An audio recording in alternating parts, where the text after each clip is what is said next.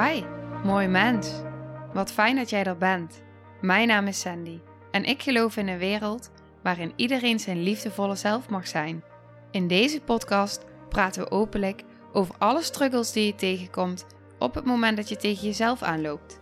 Vanuit mijn kennis en ervaring deel ik levenslessen en geef ik je inspiratie hoe jij vanuit pijn en angst weer voor liefde en vertrouwen kunt kiezen, zodat jij, dwars door het donker, de weg terug kunt vinden naar het licht in jezelf. Welkom bij de Liefdevolle Strijder Podcast.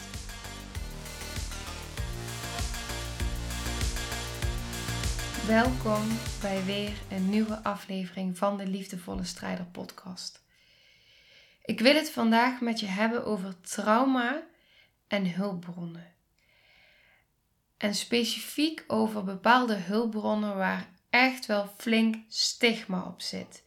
En stigma, dat betekent eigenlijk dat er vanuit de maatschappij een bepaald oordeel op zit. En dat heel veel mensen daar iets van vinden. Dat het misschien zelfs wel niet sociaal geaccepteerd gedrag is. Maar wat nou als dat gedrag, die hulpbron, die je op dat moment inzet, wel een manier is waardoor jij overleeft? Wat is dan erger? En dat is waar ik het vandaag met je over wil hebben. En ik wil ook echt, als jij hierin erkent, een stukje erkenning geven voor die delen in jou die dit als hulpbron nodig hebben. Wat wij vaak vergeten of wat mensen vaak niet weten, is dat op het moment dat jij als kind al niet goed uh, jouw ouders, sorry, ik verwoord verkeerd. Als jouw ouders niet goed weten hoe ze zichzelf moeten reguleren. Als het jouw ouders niet is gelukt om jou te reguleren. Als je nog heel klein bent, lukt het nog niet om je emoties te reguleren. Dat moet je nog leren. Maar als jouw ouders zich ook niet kunnen reguleren of jou niet kunnen reguleren, dan betekent dat eigenlijk op dat moment dat jij een andere manier moet gaan verzinnen om te reguleren, om die overweldigende emoties te kunnen handelen. Als jij dan ontwikkelingstrauma meegemaakt of een acuut trauma, een um, shocktrauma, dan is het nog lastiger en ingewikkelder en bijna onmogelijk zelfs voor jou als kind om te reguleren. Dus wat ga je dan doen? Je gaat op een andere manier hulpbronnen vinden waarmee jij wel kan reguleren. Een manier hoe jij met die overweldigende emoties om kan gaan. En op het moment dat daar weinig manieren voor zijn, kan het zijn dat die hulpbronnen, uh, hulpbronnen worden die uh, sociaal niet geaccepteerd zijn, of waar een oordeel op zit, of waar mensen iets van vinden dan noem ik verslaving. Alcoholgebruik, drugsgebruik, ehm, maar ook jezelf pijn doen, jezelf verwonden. Of letterlijk de gedachte hebben, de wens hebben, het verlangen hebben om uit het leven te stappen. Dat betekent niet dat je dat doet en dat alles in jou dat wil. Misschien is er een deel in jou wat op dat moment voelt: oké, er is een uitweg. En dat kan voor jou een enorme hulpbron zijn. Als ik dan even vanuit mijn ervaring spreek, voor mij was dat een enorme hulpbron. Ik had het niet gedaan, omdat ik daarnaast heel sterk voelde: ik kan en wil en zal mijn broertje niet achterlaten. Dat was een hele sterke. Ik kan en wil en zal mijn broertje niet achterlaten. Ik zal het hem niet aandoen dat ik uit het leven stap. Daarnaast voelde ik ook heel sterk een diep weten en een stuk vertrouwen dat iets in mij nog steeds zei: Sandy, hou vol. Het komt ooit goed. Dit gebeurt niet voor niets. Dit gebeurt met een reden. Iets in mij was heel sterk daarin. En iets anders in mij voelde heel sterk die loyaliteit naar mijn broertje en de liefde voor mijn broertje. Maar daarnaast was er ook een verlangen om uit het leven te stappen. Een verlangen om bevrijd te worden van de emotionele overweldigende pijn die ik ervaarde als kind. En dus was de gedachte om eruit te kunnen stappen. En er, ja, er waren echt momenten dat ik mezelf er bijna in verloor. Er waren echt momenten dat die verlangen zo sterk was dat ik me geen raad meer wist. En dat ik ergens iets in mezelf moest vinden om het niet te doen. En dat waren die andere twee dingen. Dus er waren twee hele grote tegenhangers. Maar daarnaast waren andere hulpbronnen. Dus letterlijk mezelf pijn doen. En door mezelf pijn te doen, het was zo sterk dat ik daar op een gegeven moment ook geen controle meer over had. Het was soms al gebeurd voordat ik überhaupt na kon denken. En dat is ook wat in een kinderbrein nog moet ontwikkelen. In een kinderbrein, ook een, puberbrein gaat het ontwikkelen, maar heeft het ook nog niet. Dat is oorzaak-gevolg. Dat is iets wat je in je kindertijd leert. Maar als je daarvoor al in zo'n overlevingsstand zit, dan kun je nog niet zo sterk nadenken over dat oorzaak en gevolg. Dus vaak had ik mezelf überhaupt al pijn gedaan voor ik na kon denken. Het ging in een split second soms. En op het moment dat ik ouder werd en dat ik besefte dat ik dat niet meer wilde, dat ik ander gedrag wilde, gezonder gedrag om met mijn pijn om te gaan, kwam ik in therapie. En wat er in therapie gebeurde was heel erg van oké, we gaan het gedrag gaan we bestrijden. Dus ga maar ander gedrag vertonen. En dat heb ik ook al vaker benoemd. Dat is ook wat er gebeurt in de verslavingszorg.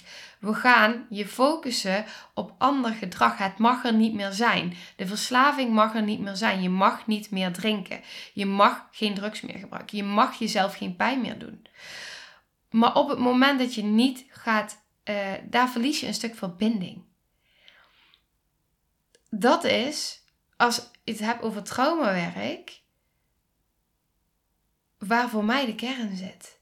Het gaat over de verbinding. Het gaat over, als iemand bij mij nu zou komen in een sessie, die bepaald gedrag vertoont wat hij niet meer wil, dan is het allereerste wat ik zou gaan doen, of wat ik ga doen, is veiligheid, veiligheid, veiligheid. Dat is het aller, aller, aller, allerbelangrijkste. Veiligheid creëren voor die persoon. Ik doe niet aan de quick fix. Ik doe niet aan uh, gedrag gaan onderdrukken. Ik doe niet aan gedrag gaan vermijden. Dus zorg maar dat je dat niet meer gaat doen. We kunnen wel manieren verzinnen die je kan kunnen helpen om dat niet te doen. Want dan neem je op dat moment een hulpbron van iemand af. Een hulpbron die iemand heeft helpen overleven. Wat kun je wel gaan doen? In eerste instantie veiligheid bieden om vervolgens te gaan reguleren. En vervolgens samen te kunnen gaan kijken van oké, we gaan stabiliseren. Wat zijn dan wel gezonde hulpbronnen voor jou? Wat zijn hulpbronnen die jou op zo'n moment wel kunnen helpen, die jou ook kunnen ondersteunen? Maar dan sla je namelijk, als je daarmee gaat beginnen, wat ze bij mij deden. Oké, eh, ga maar kijken wat je kan doen om dat gedrag niet te vertonen. Dan sla je een hele belangrijke stap over. Dat is het vertrouwen, de relatie tussen jou en die persoon. De veiligheid creëren, reguleren, maar ook andere gezonde hulpbronnen gaan ontdekken. En gaan kijken van oké, wat werkt dan wel? Ik had laatst, omdat ik nu zelf steeds dieper ga ook in bepaalde thema's en steeds dieper in, in heling ga. Want dat is ook iets wat ik wil benoemen. Ik ben niet klaar. Ik blijf ook in proces en op weg met mezelf. Ik blijf ook steeds weer tegen bepaalde dingen aanlopen. En dan denk ik: oké, ik heb dit allemaal geheeld en ik ben er. En dan ga ik weer een laag dieper en wordt die ui weer een laag verder afgepeld. En op zo'n momenten dat ik een stuk dieper ga, komen weer al die hulpbronnen die ik heb. Zowel de gene waar een oordeel op zit, waar stigmatisering op zit, die misschien destructiever voor mezelf zijn, minder goed voor mezelf zijn, komen wel weer in gedachten omhoog. Maar ik ben inmiddels al zo ver door de jaren heen dat ik ze voel, dat ik ze hoor, dat ik ze zie, dat ik ze erken, maar dat ik ergens in mezelf nog hele sterke andere hulpbronnen vind. En die zijn inmiddels zoveel sterker geworden door de processen waar ik heen ben gegaan met mezelf, dat die gezonde hulpbronnen veel sterker zijn dan de hulpbronnen die mezelf pijn doen. Omdat ik ook zoveel zelfliefde heb ontwikkeld. En puur doordat ik zoveel zelfliefde heb ontwikkeld en zoveel stabiliteit in mezelf en zoveel gezonde hulpbronnen, zullen die andere hulpbronnen misschien nog wel omhoog komen. Komt de gedachte in me op, komen de beelden in me op, komt misschien zelfs in een heel heftig moment de drang omhoog. Maar vind ik altijd mijn weg naar de rest. En dat is het allerbelangrijkste. Op het moment dat jij voelt dat je bepaalde hulpbronnen hebt en jij wil die hulpbronnen niet meer, bijvoorbeeld hard werken, want ik heb het nu nog niet gezegd over hulpbronnen die we allemaal, die heel veel mensen doen. Ik wou zeggen allemaal, maar die heel veel mensen doen, die sociaal wel geaccepteerd zijn. Denk maar aan heel hard werken. Denk maar aan jezelf volledig vol plannen. Ieder weekend alles zit vol van met allemaal leuke dingen. Vooral heel veel leuke dingen plannen. Zodat je maar niet hoeft te voelen. Zodat je maar niet bij die emoties hoeft te komen. De hele tijd scrollen op social media. Noem het maar op. Het zijn allemaal hulpbronnen om niet naar dat gevoel te hoeven. Om niet die emoties te hoeven voelen. Om niet die pijn te hoeven voelen. Maar dat zijn dan sociaal geaccepteerde hulpbronnen. Maar het kunnen ook hulpbronnen zijn die jou weghouden bij jezelf. Die jou helpen om ergens doorheen te komen en om te overleven. Maar op het moment dat je op een bepaald punt komt en denkt van... hé, hey, ik wil nu wel meer gaan voelen. Hé, hey, ik wil wel meer rust in mijn lichaam ervaren. Ik wil meer in mijn lijf zijn. Ik wil meer vanuit liefde leven. Ik wil meer vrij, me vrij voelen weet je, ik wil in verbinding staan met mezelf. Geluk ervaren, innerlijke vreugde ervaren, zonder dat ik dat hoef te zoeken in allemaal middelen of allemaal uh, of heel druk zijn. Maar letterlijk in mezelf mogen zijn en voelen. Ik zit nu echt op mijn hart te kloppen gewoon. Maar daarom wil ik je dus meegeven voor deze aflevering van Ga eens voor jezelf, als je dat wil, als je jezelf hierin herkent, een lijstje maken van gezonde hulpbronnen. Dus denk hierbij aan, ik zal eens even kijken wat ik allemaal op mijn lijstje heb staan. Moment. Muziek luisteren, dansen, zingen, bij de zee zijn, het water, misschien in het bos wandelen, dieren. Het kunnen allemaal hulpbronnen zijn. Misschien een knuffel. Het kan van alles zijn. Mijn allerbelangrijkste hulpbron zit in mezelf. Dus wat heb ik als hulpbron in mezelf? Dat is echt fantastisch. Ik ga het met je delen. Ik visualiseer altijd dat er achter mij een heel groot veld is. Het veld. En dat in dat veld, heel ver achter mij, staat een hele grote, stevige boom. En die boom, daar zit ik voor. En die boom, die kan mij helemaal dragen. Maar niet alleen mij. Hij draagt ook letterlijk al mijn delen. Mijn kwetsbare delen, mijn traumadelen, mijn overleefdelen. Al mijn delen kan die boom dragen. Dus op het moment dat ik word geraakt, en of dat nou is in een sessie, of dat nou is in een andere situatie, op het moment dat ik geraakt word, dan kan ik altijd verbinding maken met die stevige boom die daar staat en die ik weet dat die mij kan dragen. En ik heb zelfs, ik visualiseer dan, een boomhut en daar kunnen mijn trauma delen in, in die boomhut. Zodat ik ook echt voel, ik heb ook in het midden van de boom zit een soort gat met een hartje heb ik daar. Dus het hart van de boom. Daar zit mijn meest kwetsbare deel. En in die boom, of in die boomhut, is maar net wat ik op dat moment voel.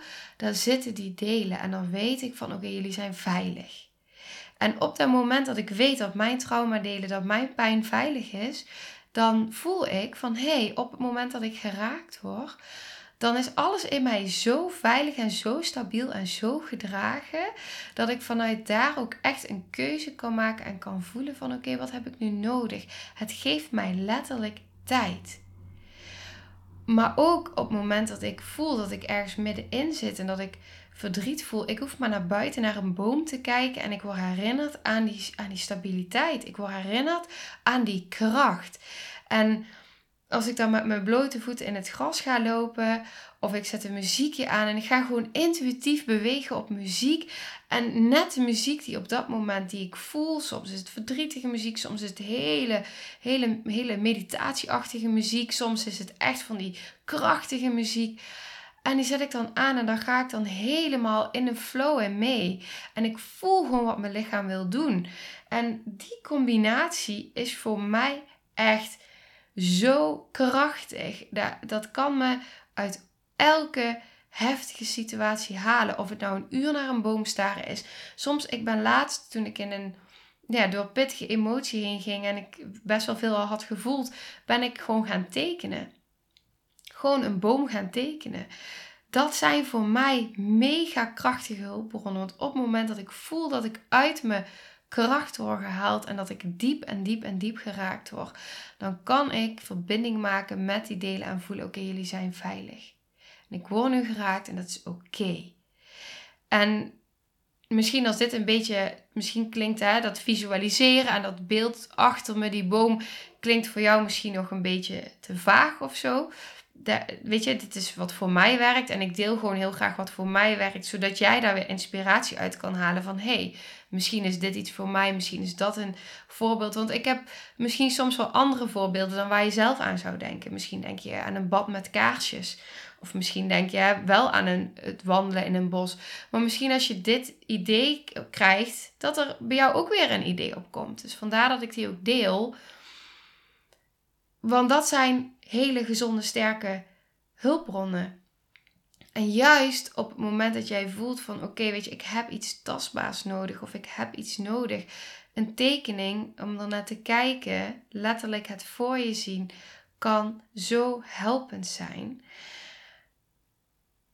En daarnaast gun ik je ook gewoon dat op het moment dat jij voelt dat jij echt in, in diepe, diepe overleefmechanismen zit en dat diegene die ik aan het begin benoemde, dat die heel erg nog leven bij jou. Zoals bijvoorbeeld de gedachte van ik kan eruit stappen, dat die bij jou heel vaak nog voorkomt. En je wil daar ondersteuning in. Dan raad ik je echt aan om dat ook te gaan doen bij iemand. En dat maakt voor mij niet uit wie, maar voor iemand waarbij jij voelt dat je gezien wordt.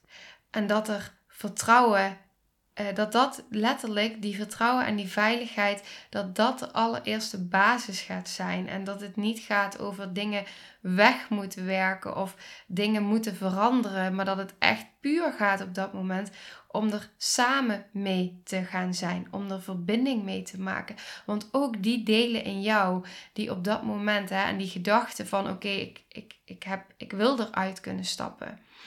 Als je daar zo in zit, dan denk ik dat het belangrijkste is op dat moment om puur daar erkenning aan te mogen geven. Want hoeveel schaamte zit er wel niet op? Hoeveel schuld zit er wel niet op?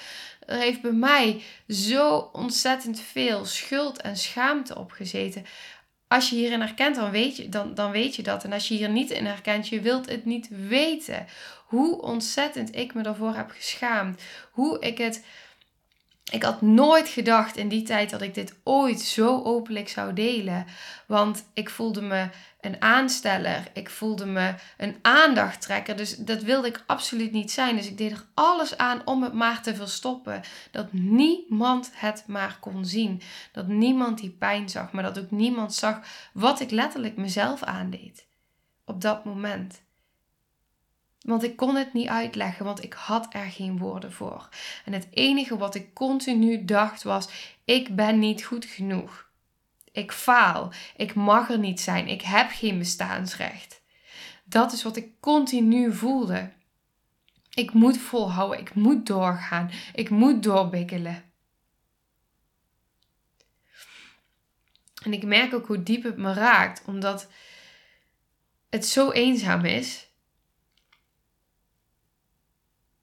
En ik geloof of dat het nu is met jezelf pijn doen of uit het leven willen stappen of drank of drugs of wat dan ook.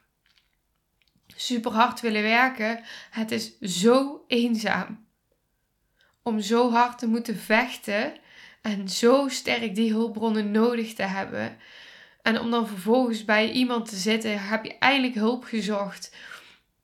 En dan zit je, in mijn geval bij de GGZ, misschien herken je het ook wel. En dat er dan wordt gezegd van oké, dan gaan we kijken hoe we dit gedrag kunnen stoppen.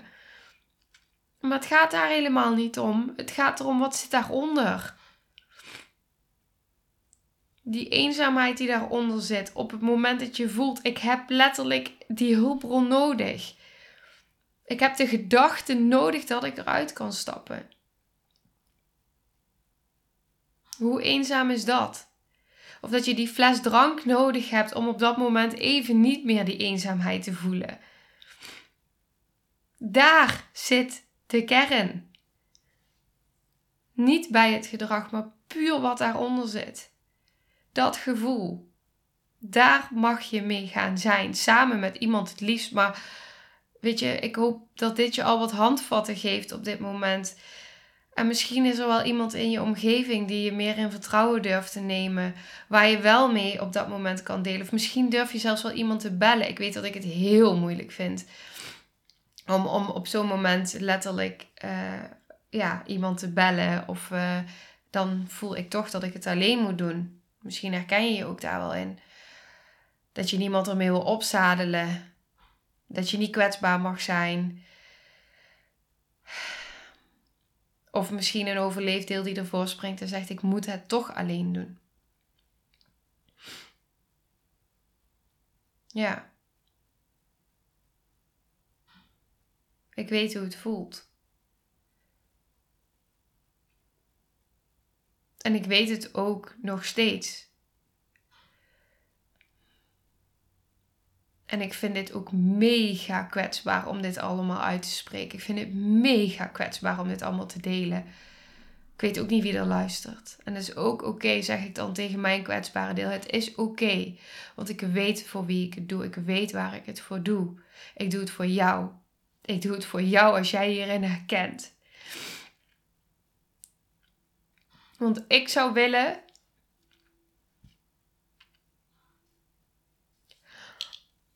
dat ik in die meest heftige tijd naar zo'n podcast had kunnen luisteren. En dat ik iemand had horen zeggen dat het oké is. Dat ik dat voel en dat ik die gedachten heb, omdat het een hulpbron kan zijn. En dat het helemaal niet wil zeggen dat je letterlijk eruit stapt. Maar dat de gedachte alleen al zo helpend kan zijn.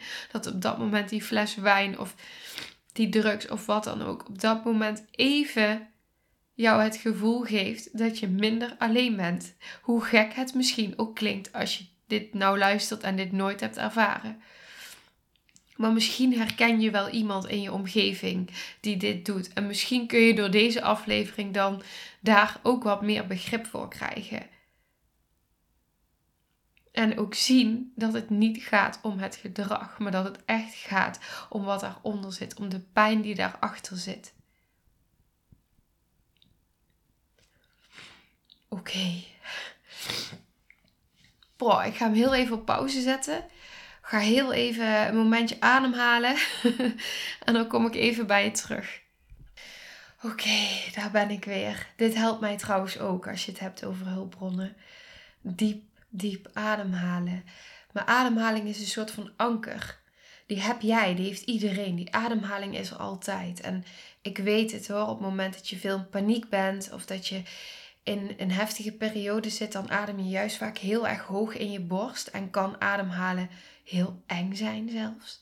Soms is het zelfs eng om überhaupt adem te halen of ik heb wel eens iemand gehoord die tegen me zei, en dat herkende ik ook. Ik vind het gewoon uh, spannend om adem te halen of diep adem te halen, want dan ben ik al bang dat iemand zich daaraan stoort. Aan mijn ademhaling, aan het geluid wat ik maak. Dus het hoeft geen hulpbron te zijn. Dus die wil ik ook benoemen van het kan. Dus voor mij is het dus echt een hulpbron. Uh, juist omdat ik heel erg ben gaan ademen en naar mijn buik ben gaan ademen en ben gaan verbinden met mijn ademhaling. Maar het kan voor een ander juist ook heel erg spannend zijn om diep adem te halen, om meer in je lijf te komen, om naar je buik te ademen. Of omdat je dus de angst hebt van jeetje, dadelijk hoort iemand mij. Dus het kan verschillende kanten op gaan, maar ik wil hem toch nog even benoemen. Want misschien dat jij ook wel voelt van, oh ja, die ademhaling is er altijd. Die is in mij. En ik kan er altijd mee verbinden op zo'n moment, wat ik net dus ook deed, op zo'n moment dat ik even voel van oké, het is best wel intens nu wat er hier geraakt wordt in mij. Ik ga er heel even mee verbinden. Ik ga heel even in mijn lichaam zijn, in mijn lichaam voelen. En die ademhaling letterlijk door me heen voelen stromen als hulpbron. En ik voel dan echt dat. Ik voel dan echt de rust in mezelf. En ik voel dan echt hoe ik kan verbinden met die emotie. En hoe ik nu nog steeds vanuit een kwetsbaar deel en vanuit ja, verbinding met mezelf hier in deze aflevering met jou kan zijn en dit met jou kan delen. En daarmee kan verbinden. Dus ook die, ja, die mag nu ontstaan en die mag er nu zijn in deze aflevering. Nou misschien is het goed als je deze aflevering hebt geluisterd en als er hier veel in is geraakt om nu even een momentje voor jezelf te pakken. Om even misschien goed door te ademen of even dingen op te schrijven die je geraakt hebben. Misschien heb je wel een dagboek en wil je even dingen opschrijven waar je in geraakt bent. Je mag me ook een berichtje sturen. Benoem het natuurlijk vaker, maar blijf het gewoon benoemen. Dat mag, dat is welkom vind het heel fijn om te horen wat een aflevering met iemand doet en in iemand raakt. Dus uh, ja, dat. Oké, nou, dan uh, wil ik deze aflevering afsluiten met ontzettend veel liefde en zachtheid voor jou. dan gun ik jou met mijn handen op mijn hart dat als je geraakt bent op dit moment, dat je weet dat je niet de enige bent hierin. En dat er net als ik en net als jij nog zoveel meer andere mensen zijn die zich hierin zullen herkennen. En nu ik dit ook uitspreek, ga ik nog één dingetje toevoegen. Nu ik dit ook uitspreek, dit is ook waarom ik zo geloof in de kracht van een groep, in de kracht van een community. En ook dit wil ik met mijn online programma. Ik wil een community gaan creëren online. Maar hoe fijn is het dat je in een groep zit, een like-minded groep met mensen, gelijkgestemden, die zich ook kunnen herkennen en die vanuit liefde, ja, waar je vanuit liefde verbinding mee kan creëren. En dat je in een groep komt met mensen die zich in elkaar herkennen. Waardoor je ook voelt van ja, ik ben niet de enige. Ik ben echt niet de enige. Dat is wat ik ook wil creëren, wat ik ook wil neerzetten. Dat is ook nog eens een extra ja, ehm, toevoeging en waarde aan het online programma. Dat je met gelijke stemmen in contact komt. Oké, nou die wou ik nog even op het einde toevoegen. Die kwam in me op en ik denk ja, absoluut, dat is ook waar het over gaat. Dus die vind ik waardevol om te benoemen. En dan ga ik nu echt met heel veel liefde en zachtheid voor jou afsluiten.